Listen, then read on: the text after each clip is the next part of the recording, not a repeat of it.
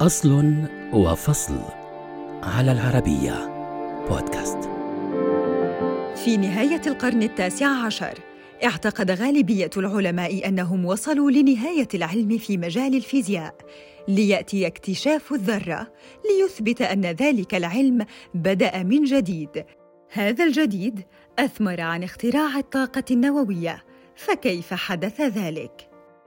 شهدت الفترة بين أواخر القرن الثامن عشر وبدايات القرن التاسع عشر اكتشاف اليورانيوم والإشعاع المؤين، ثم خدمت الصدفة هنري بيكرل ليكتشف أن أملاح كبريتات اليورانيوم تصدر إشعاعات مشابهة للأشعة السينية. في عام 1899 صنف إرنست راذرفورد ثلاثة أنواع من الإشعاع أسماها ألفا وبيتا وغاما قبل أن تعلن ماري كوريا عن اكتشافها للراديوم الذي استخدم لاحقاً في المجالات الطبية، كما حددت الكتلة الذرية له وابتكرت مصطلح النشاط الإشعاعي.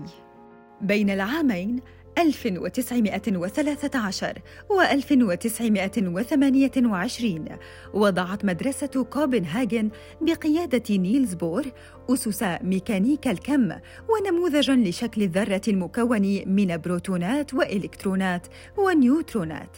فانتعشت أبحاث دراسة الذرة وخصوصا اليورانيوم. ففيما وجدت إيرين كوري وفريدريك جوليو أن انشطار اليورانيوم ينتج جسما يتمتع بخصائص اللانثانوم القابل للاحتراق في الهواء اقترح أوتو هان وفريدز ستراسمان في ألمانيا أن النشاط الإشعاعي يطلق أيضا نيوترونات إضافية قد تسبب انشطارا في نواة يورانيوم أخرى وتطلق طاقة هائلة. انتعش العمل على أبحاث الطاقة الذرية عالميا. لكن الأبحاث في ألمانيا أخذت مجرا عسكريا تحت قيادة هتلر ما دفع الرئيس الأمريكي فرانكلين روزفلت لتدشين مشروع مانهاتن لإنتاج السلاح النووي. فعمل علماء من كندا وأمريكا يتقدمهم إنريكو فيرمي الذي قام ببناء أول مفاعل نووي وعدد من العسكريين على أول قنبلة نووية حملت اسم ترينيتي.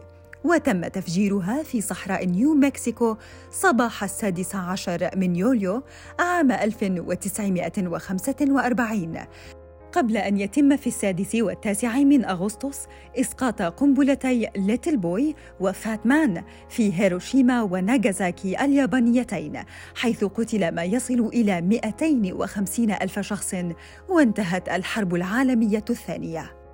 خلال الستينيات والسبعينيات من القرن الماضي تم بناء الكثير من المفاعلات النووية لتوليد الكهرباء بريادة أمريكية. لكن ومع حلول العام 2020 أصبح يجري الحديث عن النهضة النووية والخطط الطموحة لبناء أساطيل كبيرة لتلبية الطاقة المتزايدة حول العالم.